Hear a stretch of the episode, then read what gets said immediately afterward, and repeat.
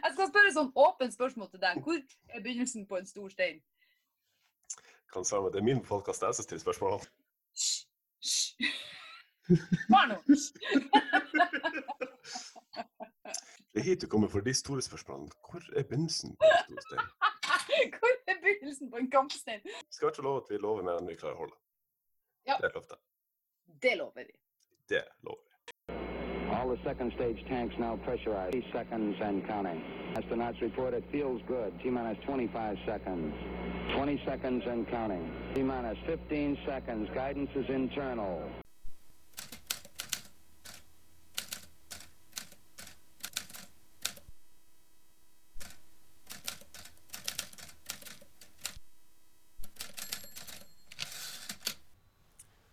Du hører på en episode av Portrettpodden. En podkast hvor jeg, Mats Jangås, portretterer mennesker som inspirerer meg, som får meg til å tenke, og som får meg til å forstå mer av verden rundt meg. Min gjest i dag er et av de blideste ansiktene i hele Tromsø. Hun får selv 4,5 kvadratmeter til å virke som et helt univers. Min gjest i dag er Siri Therese Lier. Du er, hva for å starte med elefanten i rommet, du er nettopp utpekt av statskirka. Hæ? ja, jeg gjorde en vits om det på, eh, på Facebook. Er det noe elefant? Eh, det er vel sett ikke en elefant, men jeg tenkte jeg skulle begynne der. og ikke begynne... Jeg har alltid vært åpen om det. Bare irritert meg over at jeg ikke har fått gjort det før. Og eh, jeg har jo i, i tre omganger nå eh, båret barn framfor presten og følt meg som en hykler. Ja. Så jeg har vært hykler i noen år. ja. Kanskje det som er elefanten. ja, ok. Ja. Det var noen eh, spesiell grunn, eller var det bare Nei, nå, nå gidder jeg ikke mer. Ja, sånn var det. Ja, okay. Nå gidder jeg ikke. Og det er veldig enkelt. Du bare går på et nettsted og trykker 'ha det', og så er du ferdig. Det er ikke noe big deal. Da jeg var ungdom, så var det en big deal. Da måtte du skrive noen plass og snakke med noen. Og... Så det har derfor tatt litt tid, men det har jo lenge egentlig vært veldig enkelt. Og Da fikk for du den elefanten. Ja, ja, ja. Nå kan vi lage et helt sånn skikkelig sånn glassbutikk her, for nå er elefanten gått ut. Å shit, nå er han i hagen. Dæven, nå har han tra... Stopp den der elefanten! Ja ja. Det, ja ja. Eh, Det kunne vært verre. Lista er lagt, det er godt å høre. Yes. Hvis man da absolutt må sette deg i en bås, Ja, da, hvis du må sette meg, hvis du er nødt til å sette meg i en bås, så kan du jo sette meg inn i den lille båsen midt på torget, da. Ja, det, det er jo det er jo der jeg hadde tenkt å sette deg. Um, så, så, så, sånn, sånn utover det, så er du da skuespiller og sanger. Ja Ja. Har, har jeg da dekket over det meste, eller har jeg Jeg har jo eh, sjelden fått spilt noe skuespill, så det er jo litt vanskelig å gå hen og si at man er skuespiller. Og, eh, men jeg har jobba med teater hele mitt voksne liv. Og så har jeg jo holdt på med komikk og egne greier ved siden av eh, at jeg har vært suffløren til Hålogaland teater i veldig mange år. Ja, stemmer det. Så, så det er det jeg kanskje har vært mest. Mm. Og det at du vet om at jeg har gjort opptredener, det er jo i Guds løkka. Det var jo en fryd at du, at du fant ut av det. Men det skjer sjelden, og jeg skulle gjerne sett at det var mer ut av det. Men jeg har bidratt i noen korte filmer, jeg har bidratt eh, på noe eh, småtteri, og jeg har gjort noe sjøl. Mm. Så eh, ja. Og så har jeg gjort den her 'Når hjertet slår ut med armene', endelig. Så det har jeg fått gjort. Og så har jeg vært kåsør på NRK et år, og så har jeg fått gjort litt sånn skriveriarbeid som har gjort meg veldig glad. Nu vel. Ja. Interessant. Så hvor- hvor- Hvordan fikk du den jobben, egentlig? Jeg sendte vel inn et stykke, rett og slett. Ja.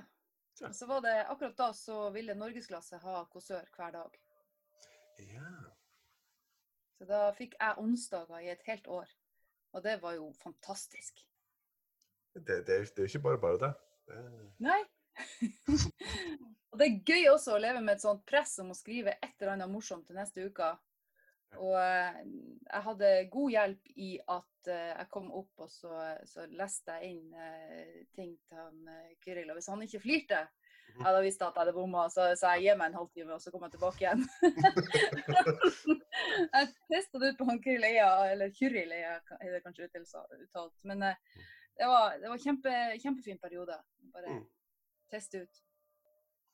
Ja, altså, hvis det er noen som, som på det ikke sliter med å være morsom, så er det vel du. Hysj på deg. OK. Altså, det du kommer kanskje til å plages med i denne episoden, er at du må eh, klippe vekk en del knising.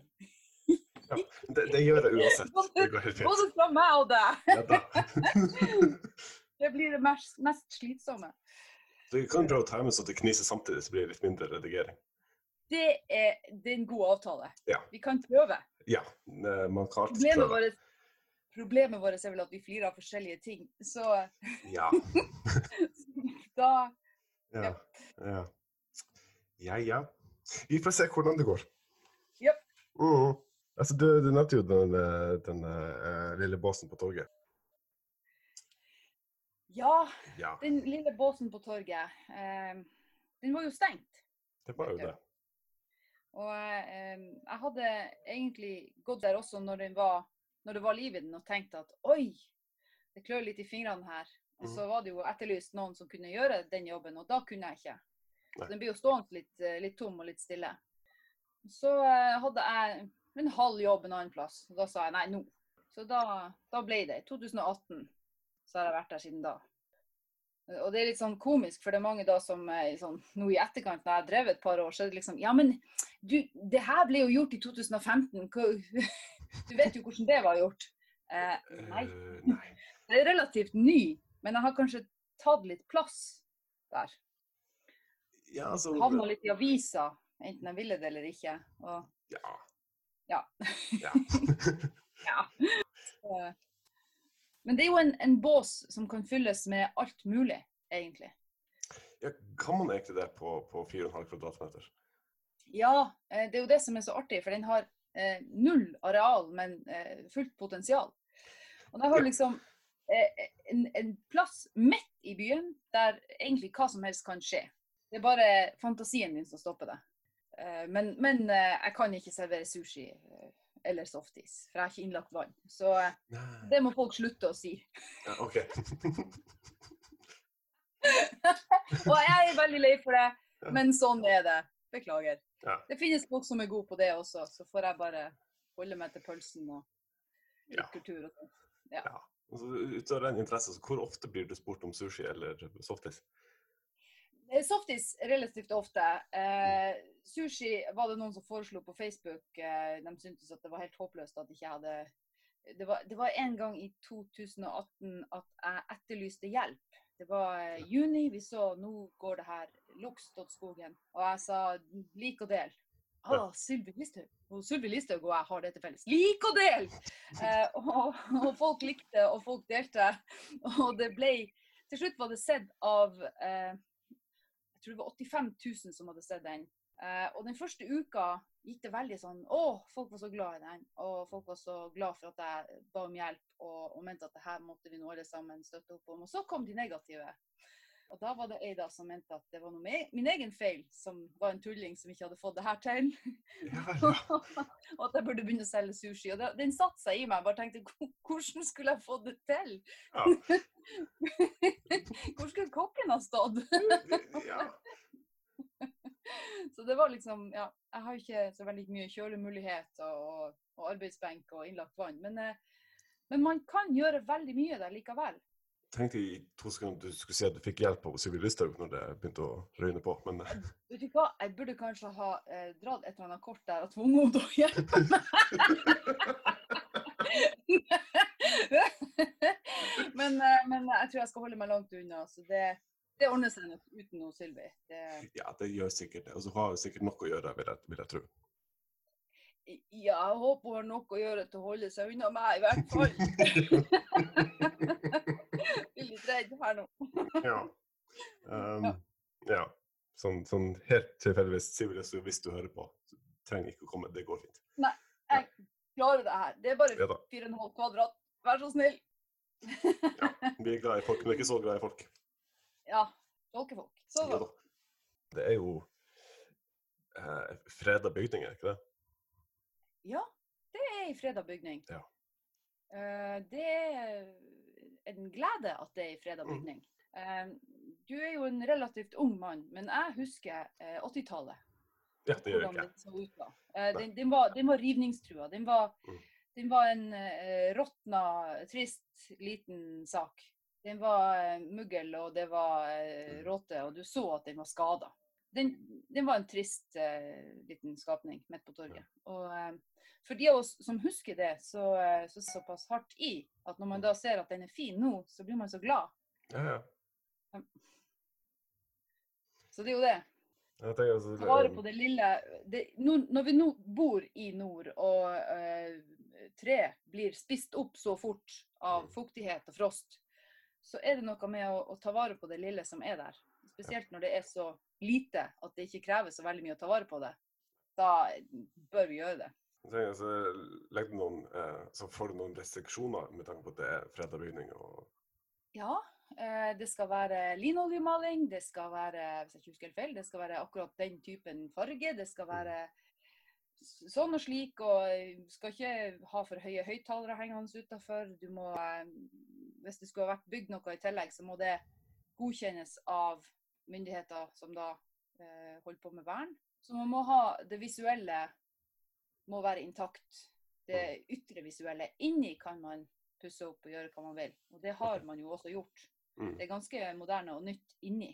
Det må det være, ellers er alt bare Det vil ikke være fungerende uten å pusse det opp. Så, men på yttersida, det må være gamle planker og gammeldags Mm. maling. Og den tørker så tregt, den malinga!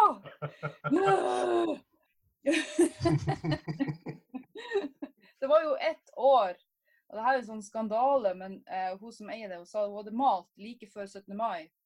Og så hadde det ikke tørka i tide, for du vet hvordan det er. Vi kan ikke stole på at det blir finvær. Og så hadde noen vært uheldige og kommet borti den her gule, våte malinga med bunad. Å nei. Ja, så jeg var livredd. I, i, I fjor så var det vel Jeg prøvde å pusse opp, men det var sånn Nei, nei, nei. Vi skal ikke, vi skal ikke være opp mot 17. mai. Ja, det var veldig hastverk å få det i god tid før 17. mai ferdig. Så det kommer til å holde i noen år, det som ble gjort ferdig i fjor. Så, eh, for jeg tok det på høsten 2018, og så tok jeg detaljene på våren 2019. Og det kommer nok til å holde i noen år. Og så eh, har jeg allerede vært og pussa ned og olja benken inne, så nå er liksom ting tatt vare på. Men jeg må nok bytte en, ei, ei, plate en plass som jeg ser. Altså sånn, det er ikke sånne store ting som gjøres nå. Det er ikke noe ytre uansett. Men det er hele tida noe. Det er som ja. alle gamle hus. Og så er det sånn, så mulig jeg tar helt feil, altså, men altså, hvis man skulle bygd et, et eh, tilbygg, da, må det være i, samme, samme bygningsstil nå, eller er det bare jeg tror du poker i noe du eh, eh, Vi har eh, en, en søknad om å få lov til å bygge en platting i parken bak. Så det er sånn halvgrønt lys. Så vi får se hva som skjer om alle myndigheter nå syns at det er greit. Da Mm. kanskje vi kan ha en platting i parken bak, halve parken, og ha da litt setteplass ute. Og det hadde vært en fordel, eh, for vi har veldig liten plass. Spesielt nå i koronatid så er det ikke noe plass å stå utafor. Eh, To meter avstand. Hvordan skal du få det til på en platting som er én meter ute fra huset? Så nei, det, det er nok eh, det er nok en stor fordel for oss hvis vi får litt mer plass. Og jeg tenker også sånn rent samfunns... altså for samfunnsnytte. Eh, hvis man får flere parkbenker, hvis man får flere installasjoner som folk kan benytte, så er det kanskje mulighet også for å få et mer levende torg. Det er jo det jeg brenner for i bunnen av det her. At vi skal ha muligheten til at eh, barnehager kommer og setter seg, at eh, gamle som er slitne i fotene kommer og tar seg en hvil på benken. At det går an å gjøre eh, byen mer trivelig for folket. Var det også en del av motivasjonen til å, til å ta over drifta, at du skulle Ja. holde et eller annet levende? Så. Ja, ja, ja. Det var det som var hele grunnen. Fordi jeg så at eh, Jeg så liksom det potensialet i å skape noe hyggelig Mm. på et torg som på det tidspunktet var helt nedlagt. Det var dødt. Mm. Uh, ja, OK, så har vi en og annen salgsbod uh, like før jul eller på sommerstid. Men, men uh, hvis ikke raketten er der, så er det liksom Det er ikke noe samlingspunkt lenger, naturlig. Så jeg, jeg kjente på at som, som byjente at jeg kjente at det gjorde vondt i, i bringa. her måtte gjøres noe, og det måtte gjøres fort. Så slo det ned som et lyn, og så sendte jeg mail til han Erlend, som da har drifta. Som jeg, da tok et møte med meg i begynnelsen av januar, og så åpna vi opp. Det var den 16. januar 2018. Så siden da Jeg hadde liksom sånn toårsbursdag nå, før vi måtte stenge ned alt. Det, det var jo med deg, stas. forresten. Ja, takk, takk, takk. Hvordan, hvordan er det nå i disse koronatider å holde stengt? Det er jo trist, men det er det jo for alle. Og vi er heldigvis ikke i noe veldig stor risiko, i og med at vi er så lita bedrift, og Mm. i og med at vi hadde en veldig travel sesong. Denne vintersesongen i år var eventyrlig. Det, det Mhm. finnes ikke et annet ord for det. Det var helt Vi, vi holdt på å jobbe oss i hjel, men det var så fint å endelig ha eh, en viss suksess, da. Etter å ha vært Altså, da jeg starta opp jeg har sagt det før, jeg sier det igjen. Da jeg starta opp, så kom altså lokalbefolkninga opp nærmest og banka på. liksom sånn, 'Hallo, er ikke du stengt? Er ikke det stengt her?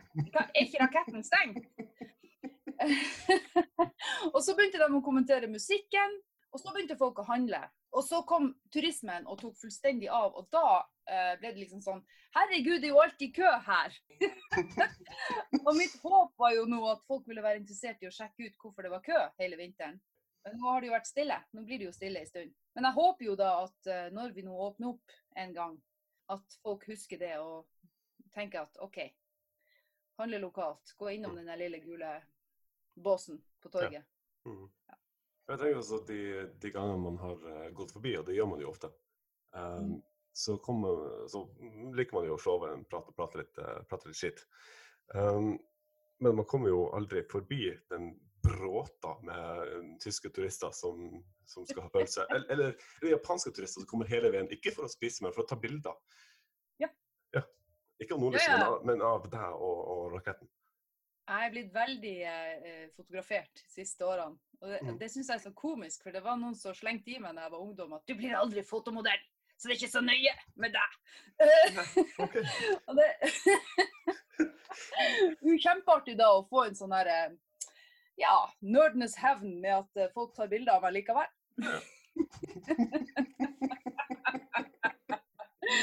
ja. Og eh, eine rentierdag, det, det har vært mange tyskere. Det har vært også mye engelskmenn og, og mange, mange nasjonaliteter. sånn at jeg har brukt å spurt folk hvor de er fra, og prøvd å se på kartet når jeg kom hjem etterpå. Å, de kom derfra! Sykt langt de hadde reist! Wow! Så det har vært, vært veldig interessant, det hele. Så jeg, hvis jeg har lang kø, så lager jeg jo litt sånn show. Så jeg møter jo på mange folk som, som jeg faktisk blir eh, litt kompis med. Det er, det er enkelte som har meg som venn på Facebook etterpå. så det er ikke fritt for at jeg har fått litt sånn internasjonalt eh, preg på hverdagen. Kommer hjem og snakker engelsk til ungene og glemmer mat.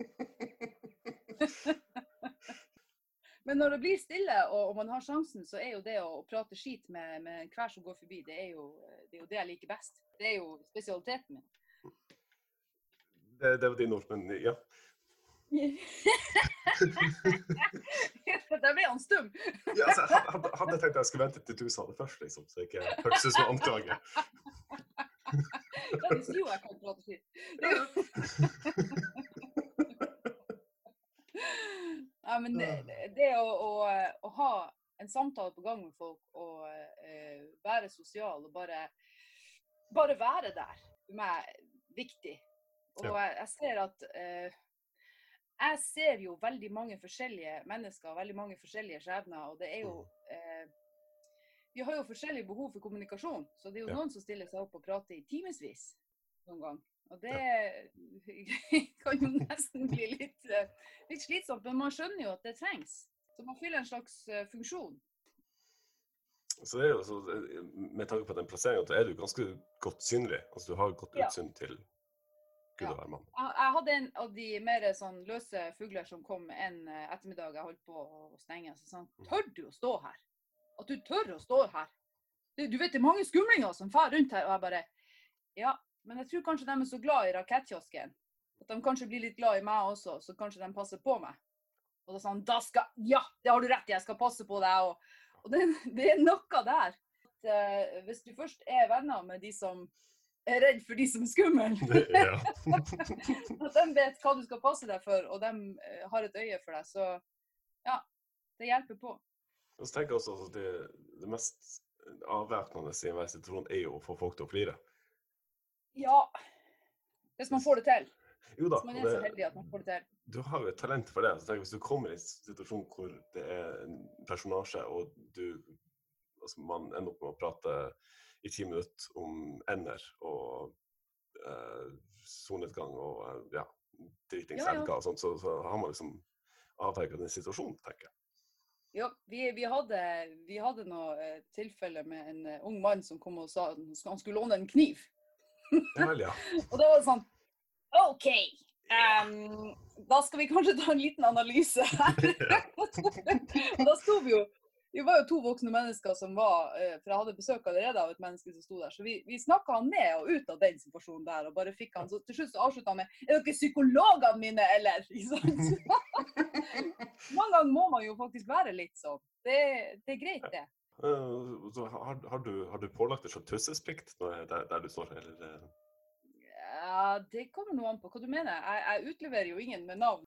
Ja, iblant så pålegger jeg meg selv litt taushetsplikt. Og det er Mm. mange som, som faktisk i, i min krets, fordi at jeg jobber med teater så mye, som sier ja, men du bør jo skrive eh, eh, i forestilling om det her. Men hvis jeg skriver i forestilling om det her, så vet jo enhver som da blir portrettert i forestillinga, de vil jo kjenne seg sjøl igjen.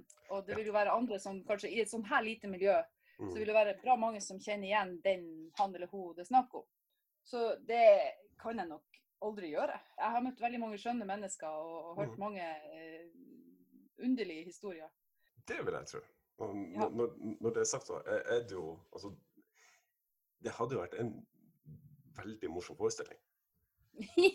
Kunne vært. Ja, altså Hvis man ikke tar hensyn til så hadde det vært veldig gøy. Hadde fokusert på det tragiske, og så hadde du bare blitt sittet og grått. Men det, er jo sånn at man overhører noen som står og, og planlegger et mord, og så sier de ja, Mm. god helg og fint å se deg. sant?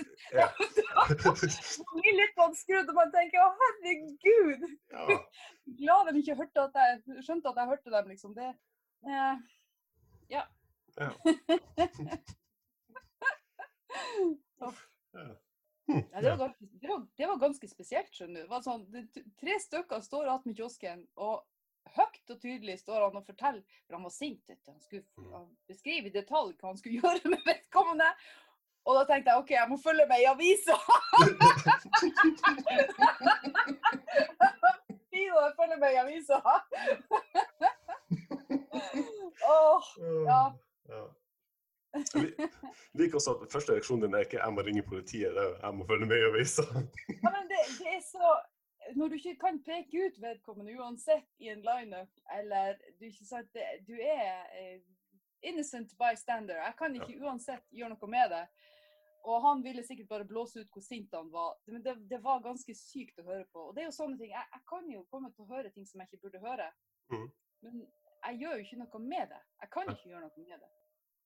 Så jeg er bare en del av den gamle torgboden, og that's it. Og hvis, hvis raketten hadde ører Men den har det ikke, for at det- det- de har falt av. Det er det som ja, ja. Ja. ja. Altså, det, det, det, det er jo sånt som kan skje når man blir litt, uh, litt Ja, men- oppi åra. Når du har hørt mye, og den, den, Ja. den, du ser bildene fra, fra 1911, så hadde den ørene ennå intakt. Men så etter det en gang. Ja. Good. Minus 25 seconds. 20 seconds and counting.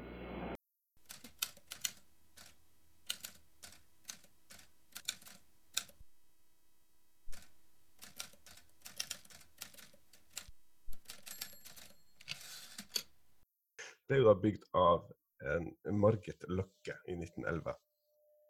Ja. ja det, hun Ja. var ikke og snekra den sjøl. Nei, nei, men altså, Nei. hun satte i gang prosessen, kan man si. Ja. Ja. Det er vel Erlandsen han som bygde den. Ja. Han, hans folk og han var i gang. Ja. Det var han som var byggmester på, på tida på den- gangen. Okay. Hvor, eh, altså, hvem var Margit Løkke, for dem som ikke vet det? Eh, Margit Løkke var eh, av eh, arbeiderfamilie, men familien hennes hadde det nok litt bedre enn eh, den generelle hop. Fordi at eh, faren hadde da en, en skytebane som han leide ut. Ja vel, ja. Ja, så han eh, hadde svingt seg litt opp og, og fått litt mer penger i, eh, i, i, i portemoneen. Og han hadde Mhm. fem døtre. Oi. Og hun Margit var den yngste av fem døtre. Og de eh, og, og sies å ha vært den peneste også. Hmm. Det, det står til og med nedtegna rundt omkring. Eh, nei, det er bildene som også antyder det. Hun er veldig fin. Men eh, hun var altså da et talentfullt eh, pikebarn. Allerede som 16-åring så hadde hun kommet inn som eh, vikar eller sånn eh, gjesteopptreden på, eh, på eh, kinoen. Da måtte de jo ha pianistinne, vet du. Ja. På stumfilmens tid. Da da Ja, hadde hun stått der og spilt piano. Og hvem var sjef for kinoet? Det, det var vel en mann, går jeg ut fra. Det var en Carl Hall, og han Ja. var sikkert allerede ganske betatt av henne der hun kom som ungpia. Og så var jo han en godt voksen mann, han var jo 37 år eldre. Oh. Ja, ja. Det er litt sånn. Men uh, de ble glad i hverandre. De Ja. må ha vært glad i hverandre. For hun hadde denne kiosken, så hun hadde sin selvstendighet. Hun kunne gjøre nøyaktig hva hun ville. Mm. Og vakker og fin og selvstendig og hadde alt på plass. Så hun kunne Mm. si nei til han fridde. Og da Mm. hadde hun hatt kiosken sin. Hun var 18 år da hun fikk bygd den. Så fire år etterpå fridde han i uh, 1915. Ja. Men hun var jo da, etter det jeg forstår, eh, en, en, eh, en fin personlighet. Hun hadde eh, interesse for eh, håndarbeid, så hun hadde bl.a. batikkurs. Og eh, kurs i hvordan man lager sine egne eh, eh, lyseskjermer, lampeskjermer. Oh. Ja, så lampeskjermekurs det holdt hun. Og så, eh, jeg tror det var flere sånne teknikker hun var glad i å bruke. Eh, og så likte hun syrina. Favorittfargen var lilla. Mm. Hun likte små hunder, sånn her eh, chihuahua og sånt. Eh, Hun ville sikkert hatt en veskehund hvis hun hadde kunnet bestemt. Og så var hun veldig eh, flink i business, så hun eh, var veldig flink til å drive kiosken sin. Hun Ja. drev den i 27-28 år. Og underveis da så hadde hun eh, blitt enke. Ja. For han var jo så mye eldre nå, så de fikk et barn sammen, og så vet jeg ikke hvor mange år de fikk sammen, de to, før han døde. Og da var hun da den rike, vakre, eh, ganske etter hvert berømte enka midt på torget, Mhm. som faktisk enkelte menn kom til Tromsø en liten ekstra svingom for å se på og hilse på, for hun var så fin. Ja. Ja. Mhm. så eh, hun dro etter hvert til Hun drev butikken etter han Carl Hall også Mm. eh, i en periode. Så da hadde hun både kiosken og den her instrumentbutikken som lå der eh, torgsenteret nå ligger. Ja, okay. Så inngangen til torgsenteret omtrent, der hadde han sin inngang, og da solgte han noter. Og han var dirigent, vet du.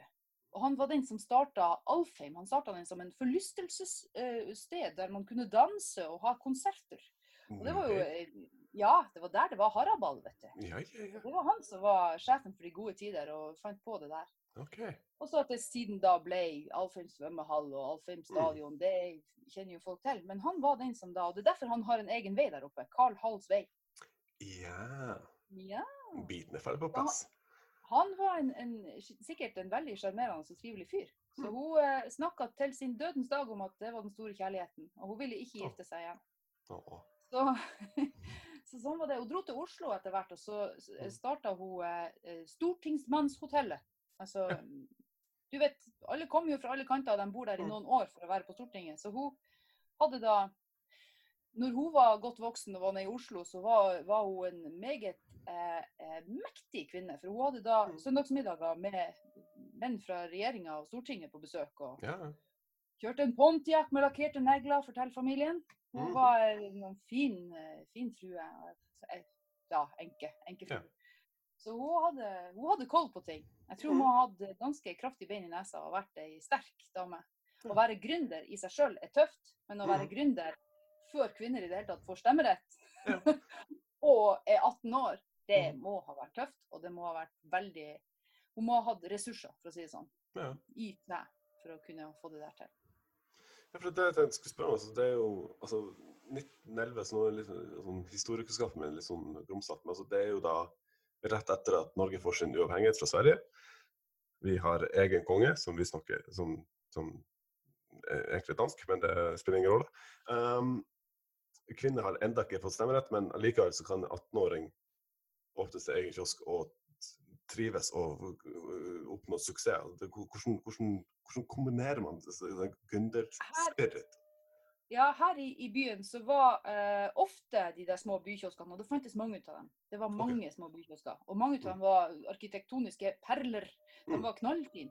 Jeg har sett bilder av, av flere av dem. De er så skjønne, og, og mange av dem er, tegna av han Peder Arnett Arn... Uh, uh, Hva heter det? Peder Arnett eh, Amundsen. Han var den første arkitekten vi hadde i byen. Det var han som tegna Kongsbakken og lignende. Så han, eh, og, ver og Verdensteatret. Så han tegna sånne små nusselige eh, rakettkiosker her og der, og, og firkantige kiosker også, som blir satt opp. Og de var veldig ofte eid og drevet av kvinner. Av og til i sin manns navn, eh, sånn at eh, det var lettere sikkert kanskje å få gjennom søknader og, og dokumenter. Men jeg tror nok hun, eh, hun Margit må ha fått eh, søstera eller faren med i banken og skrevet under som en sånn slags kursjonist eller medlånstaker eller noe sånt. Så har hun da etablert seg og betalt tilbake og blitt fri. Okay. For familien snakka et eller annet om at det var ei av søstrene som mente at hun hadde hatt eierskap i den en gang. Sånn at det var sikkert noen som har hjulpet henne helt på starten, for 18 år er jo rimelig ung. Du har ikke klart å opparbeide noe kapital når du er 18 år. Nei, nei. For det om du jobber fra du er 14-15, så allikevel så vil det være vanskelig å få nok penger. Så hun vil nok ha hatt noen med seg i banken og skrevet under. Mm. Men at hun har klart det sjøl etterpå, det er jo null tvil. Det, Ja. det er jo hun som har gjort det. Jeg syns det er så kult å få lov til å, å plukke opp litt av arven hennes og fortelle folk om henne. Og eh, jeg møtte Mm. på turister nå i vinter som var sånn Og hvor mange ganger har du fortalt den der historien? sier de. Og så bare Ja, men jeg elsker å fortelle den historien. Ja, ja. Det, det er supert! Bare spør, noe mer du lurer på? Ja, det, det, er, det er en fryd. Og, og tenk å få lov til å gå i, i fotsporene til noen som har vært så sterk. Mm. Det syns jeg er artig. Ja, ja. Altså, det, var, altså, det, tenkte jeg litt egentlig når jeg drev og skrev uh, research også. Hvor- mange ganger har du egentlig fortalt om Margit Løkke? Men hun liker jo å fortelle om Margit Løkke, så det går sikkert fint. Jeg har, jeg har ikke tall på det. Men det artigste var jo når familien sjøl hadde stevne, sånn familie... Hva det kalles? eh, Slektstreff. Og man, eh, man da måtte opptre og fortelle dem om tingene jeg visste. Og så utfylte vi hverandre, og så hadde vi en, en stor okay. historie ut av det. Ja. Ja. Så det, det er gøy. Hvor- Hvordan kom det til at du ble invitert av familien? Nei, de tok kontakt. Mm. Sa at de gjerne ville komme innom, fordi at de var i, i slekt med Margit. da. Så det, ja. okay. Nei, jeg syns det, det er veldig koselig Mm. å få lov til å holde i liv eh, noe som er så, så fint. Du har jo eh, også gjort et bevisst valg om at du forteller hennes historie til alle som, som, som ønsker å høre på, og til, Ja. også dem som tilfeldigvis bare går forbi. Um, hvordan, hvordan føles det å videreføre den, den arven etter Margit Løkke? Det føles veldig fint å få lov til å videreføre en sånn arv. Og Mm. det å få lov til å være Og det er jo liksom spesielt jeg er et kvinnfolk som prøver å få den her til å fly på nytt, og så forteller jeg om henne, og så står jeg der. Så det blir liksom, For noen så blir det sånn Å ja, er du i slekt med henne? Har du tatt hennes plass? Tralala. Ikke sant? Eh, nesten sånn I wish, eh, men nei. Eh, og så er det eh, For meg er det bare så fint å få lov til å, å, eh, å trekke noen linjer. For jeg tror det vi mangler ofte, er at, eh, og det er liksom i enhver sammenheng, er å se de store linjene og se oss sjøl som en del av noe. Og om noe er et slags stikkord i alt jeg gjør, så er det det her med bare koble ting sammen. Koble Mm. folk sammen. Koble tanker sammen, sånn at eh, det gir mening. Mm. For verden er et relativt meningsløst sted. Eh, Vi er bare en planet. Vi er bare en, en, en saus av mikrober og, og greier som flyter rundt her. Og vi har så kort tid i livet. Vi har så kort tid med hverandre. Ofte møter man bare noen et blunk, et sekund, et Mhm. øyeblikk. Prøv å få en- enhver mulighet du kan, i hvert fall få ting til å, å koble sammen med noe annet, sånn at det føles som en helhet, føles som eh, forståelig, føles som meningsfylt. Ikke en liten oppgave, men eh, det, det er jo viktig. Nei, men hvis vi alle sammen tar den oppgaven, og alle sammen tar den oppgaven seriøst, og vi alle sammen hjelper hverandre å få litt mening For at jeg har jo allerede som barn konkludert med at vi, vi, vi er nødt til å bare være så hyggelig og snill vi kan mot hverandre, og, og, eventuelt parkere noen hvis de er ufyselige. Og så bare prøve hele tida å koble ting. Og for meg, det å, å gå i gaten i Tromsø, så tenker jeg ofte på hvem gikk her før meg?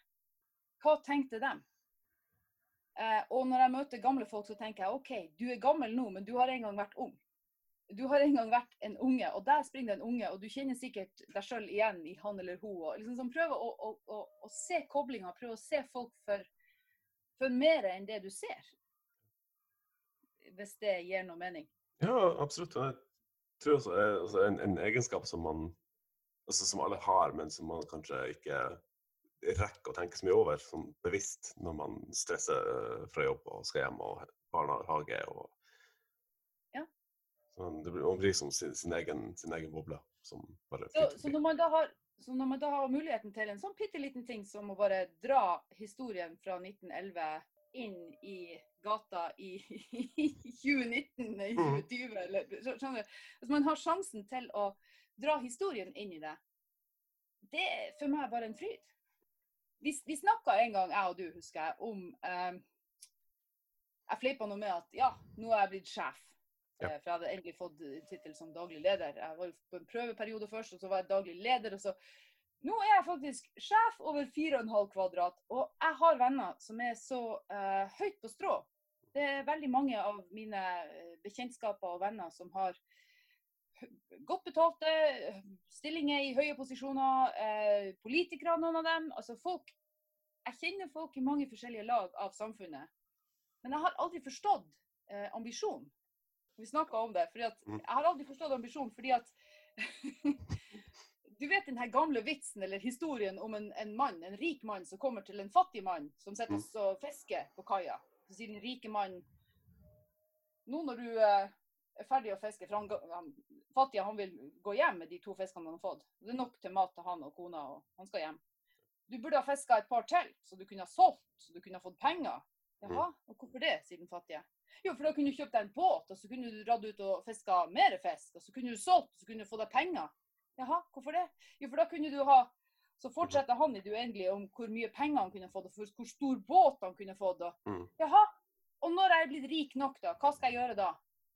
Ja, da kan du ta det med ro og, og gå hjem til kona di og bare være hjemme. Og, Mm. ja, men det er det jeg skal gjøre nå. Så hva er vitsen med å strebe etter noe som egentlig allerede er der?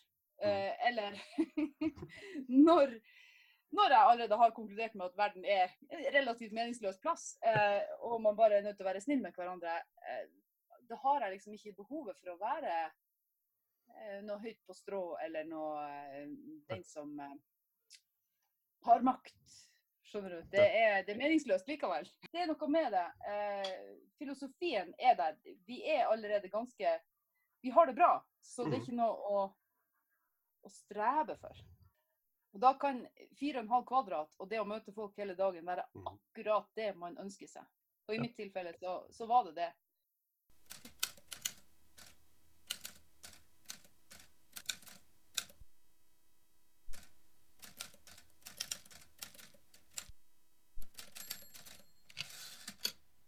Du liker jo å trekke de, lange linjene. Vi er jo vi holder oss fortsatt litt i 1911. Altså, um, det er jo uh, helt annen helt annen tid, som er litt sånn flåsete å si. Men altså, det, ting har jo forbedra seg litt, i hvert fall siden den tid. Men hvis du plutselig skulle bli sendt tilbake til 1911, um, hva hadde vært den største overgangen fra det, det moderne livet vi har i dag? Har du sett de snørelivene de hadde på den tida? Ja. ja, nei da. Eh, jeg tror nok det, det mest Det som er største kontrast den, den største kontrasten mellom de tidene er kommunikasjon. Mm. Da både både eh, transport, telefoner, men også sikkert måten man snakker til hverandre. Så jeg tror det som eh, det store problemet mitt hadde sikkert vært kommunikasjon. Og det er jo kommunikasjon jeg egentlig da lener meg på, og er så glad for at jeg endelig får til. At jeg kan snakke med folk. ikke sant? Det er jo, Hvis jeg da hadde vært uten liksom, Ikke kunne de sosiale kodene og sånn, så hadde det jo vært et slit. ja. Jeg hadde jo dumma meg ut hele tida. Det hadde jo vært forferdelig. Så kommunikasjon. Kommunikasjon og snøre, snørebånd. Snøreliv. Og snøreliv. Herregud. Åh. Hjertet slår ut med armene. Ja. Ja. Eh, konsertforestilling som ble spilt på HT i 2018. Ja. Eh, veldig, veldig, veldig fin forestilling. Eh, basert på eh, tekster av Jacques Brel, som har blitt oversatt til nordnorsk. Er det rett å antyde at du var primus motor for, eh, for det prosjektet? Det var det. Ja. Jeg produserte den, og jeg satte den i gang, og jeg var på scenen. Så ja. Ja. Men, men det er jo ei forestilling som allerede lå der, fiks ferdig, klar til Mm. bruk, egentlig. Ja. All den tid den var gjort så bra i eh, 1987. Mm. Så eh, det var jo bare å lytte seg fram og finne sin egen versjon på sangene og bare gjøre det. Ja. Så for meg var det regelrett bare å få det gjort. Jeg hadde drømt om det i så mange år, og jeg fikk de rette folkene med, og da, da var det bare å få det gjort. Hvor kom, hvor kom det tanken at jeg, jeg har lyst til å sette opp denne forestillinga som har vært glemt i mange år? Det var jo ei suksessforestilling, og den ble jo tatt opp på kassett. Mm. Og den kassetten det skulle senere vise seg å være en bootleg, det var ikke lov å selge den, men det hadde HT gjort. Ja.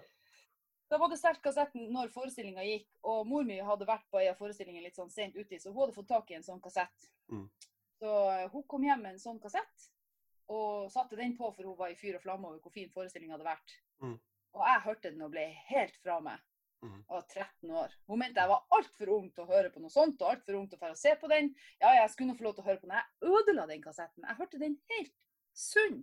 Mhm. Den, den rakna fysisk til slutt, fordi at jeg hadde hørt for mye på den. Så den forestillinga har jeg bare lytta i hjel. Ja. Rett og slett. Den, den har vært med deg siden du var 13, kan man si. Jeg var så, jeg var så redd at jeg, jeg skalv når jeg ringte til han, eh, Lars Bremnes og spurte han pent. Og så eh, tok det bare 30, minutter, nei, 30 sekunder inn i samtalen, så sier han jeg hadde også en sånn kassett. Hvorpå han går videre til å si at han, det, er nest, det er nesten et ja, det her. Jeg skal bare undersøke om det går an. Jeg holdt jo på å dø. Det var, det, da, da hadde jeg skikkelig Da slo hjertet mitt ganske hardt Ja. før det slo ut med armene. Ja. Skal innrømmes. Så ja Altså, for, for, for, de, oss- for, for, for de som ikke har hatt muligheten til å, til å uh, hø, høre kassetten, kassetten i hjel, eller se forestillinga når den ble spilt på HT sist gang, Uh, så hvordan type musikk uh, er Jacques Brel? Det er visesang. Men han eh, hadde samfunnskritiske tekster, eh, også veldig mye komikk i dem. Sånn at, eh, han, han beskrev veldig ofte livsløp fra barn til alderdom og til død og sånt. Han tok for seg eh, veldig tunge temaer, sånn som død og, og Mm. sykdom og, og når folk forstiller seg, når folk later som de er noe annet enn de er. Men han gjorde det hele tida med humor og med ganske stor kjærlighet til mennesket. Og til, ja, så, sånn at når eh, og han Ragnar gjorde en fantastisk jobb på gjendikting her. sånn at det høres jo ut som han er en av oss fra Tromsø som, Mhm. som forteller så rått og så ærlig. og så Det kunne Mhm. være alle mulige følelser, og samtidig som det var komikk i det. Sånn at hvis du lytter, så blir du sittende der og nikke eller flire mm. eller liksom være helt revet med. Karakter du bare blir sittende og er fascinert av. Så når du da får lov til å, å ta hans ord i munnen og bare Mm. ja, stå der og snakke så åpent og ærlig om følelser, så mm. i, i en sang, så er jo det bare Ja, det er skjønt. Det er helt Ja. herlig. Ja, ja. Eh, kan man si at du er, du er på en måte med å videreføre en arv der også? Trekken av linje. Jette?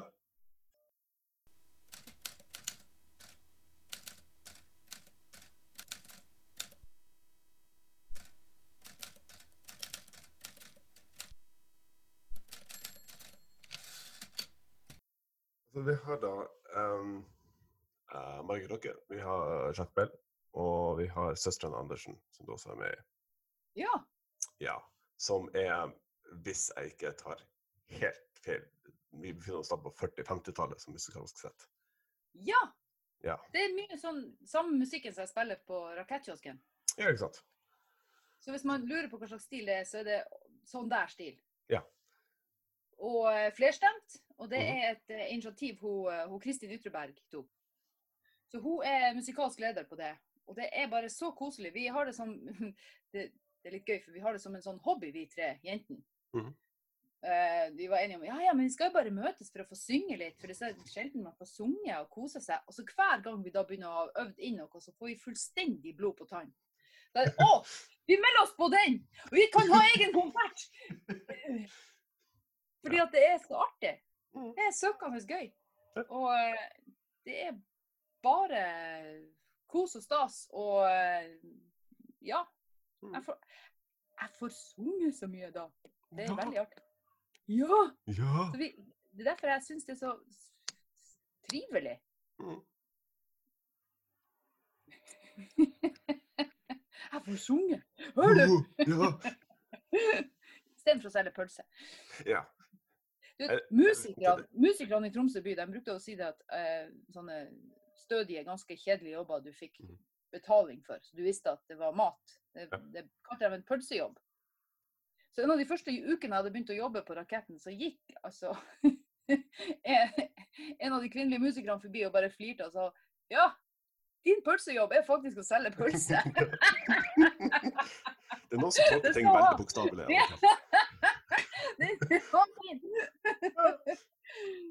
Ja, ja, det er fint. Altså, vi har jo da uh, Løkke Bell og, og, og søsteren Andersen. Altså, er, du, er du Men har du en for- forkjærlighet for, eh, for uh, en bestemt tidsperiode? Eh, Nei, jeg bare liker musikken fra den perioden der. Mm. Jeg synes det så, det er så mye livsbejaende musikk, men det handler vel kanskje også om at den perioden var ganske dyster i verdenshistorien. Sånn at den førnevnte dysterheten som jeg går rundt og kjenner på, den blir liksom avhjulpen i en sånn glad type musikk. Så jeg kjenner at den typen musikk appellerer til meg. Og jeg forstår det sånn at det er liksom favorittmusikken til nesten alle. Bare de, de visste ikke om det ennå. Så den kom og hørte den, og så bare Å, herregud, det her er jo favorittmusikken min. Jeg bare Mhm. visste ikke det. Uh, ungene mine liker den, jeg liker den. Det er null problem å ha den på. Uh, jeg får mer positive bemerkninger på raketten etter jeg begynte å spille sånn der type musikk. Så, så eh, det er bare en, en, en fin musikalsk æra. Og ja, jeg er glad i polkadotter, og jeg syns det er artig å danse swing, men, men det handler jo mer om, om uh, kulturell eh, påvirkning. Jeg kom jo fra distriktet, vet du. Ja, så jeg vokste opp et stykke utenfor byen, og, og der ute så får ungdommer lov til å gå på fest fra de er konfirmert, altså sånn 15-årsalderen. Så har det også vært en ganske sånn kultur med heimbrent og sånt. Så eh, min far han sa da at dere skal lære dere å danse swing. Og dere skal danse swing når vi går på sånne bygdefester, for da vet de om dere har drukket eller ikke. Så Ja. han skulle liksom monitorere det med å Mhm. se om vi dansa bra eller ikke. Ja. Svingdansing er jo i seg sjøl så artig at uh, for å få til det, så, så kan du ikke drikke. Og da er det bedre å bare la være å drikke. Så, uh, så det var jo egentlig en lur idé å ha oss til å danse. Ja. Så jeg vokste opp med, med svingdansing, og, og da var det jo gjerne sånn bruksmusikk. Sånn her, gjerne, de, de, spilte jo svensk svensktopper og, og annen drit. Eh, Ja. men, eh, men man dansa jo til det også. Og så av og til kom det en sånn svinglåt. Gammeldags Mhm. svinglåt. Og da kjente jeg jo at oi, oi, oi, nå ble livet mye bedre. Og, um, en julesyklos litt tilbake. Um, hun um, så Margit hadde dukka opp i, uh, i luka, uh, hva du hadde håpa at hun hadde sagt? Om hun Margit skulle eh, ha muligheten til å monitorere det jeg holdt på med, så, Mhm. jeg, så ønsker jeg sterkt at hun eh, vil eh, se i nåde til min eksistens. og, og synes om at det er folk der fortsatt, og at det er, at det er litt trøkk og litt liv. At samfunnet har sett at den der lille bua som hun satte opp, har en verdi. Det håper jeg hun vil sette pris på. 10, 9, ignition sequence start. 6, 5, 4, 3, 2, 1.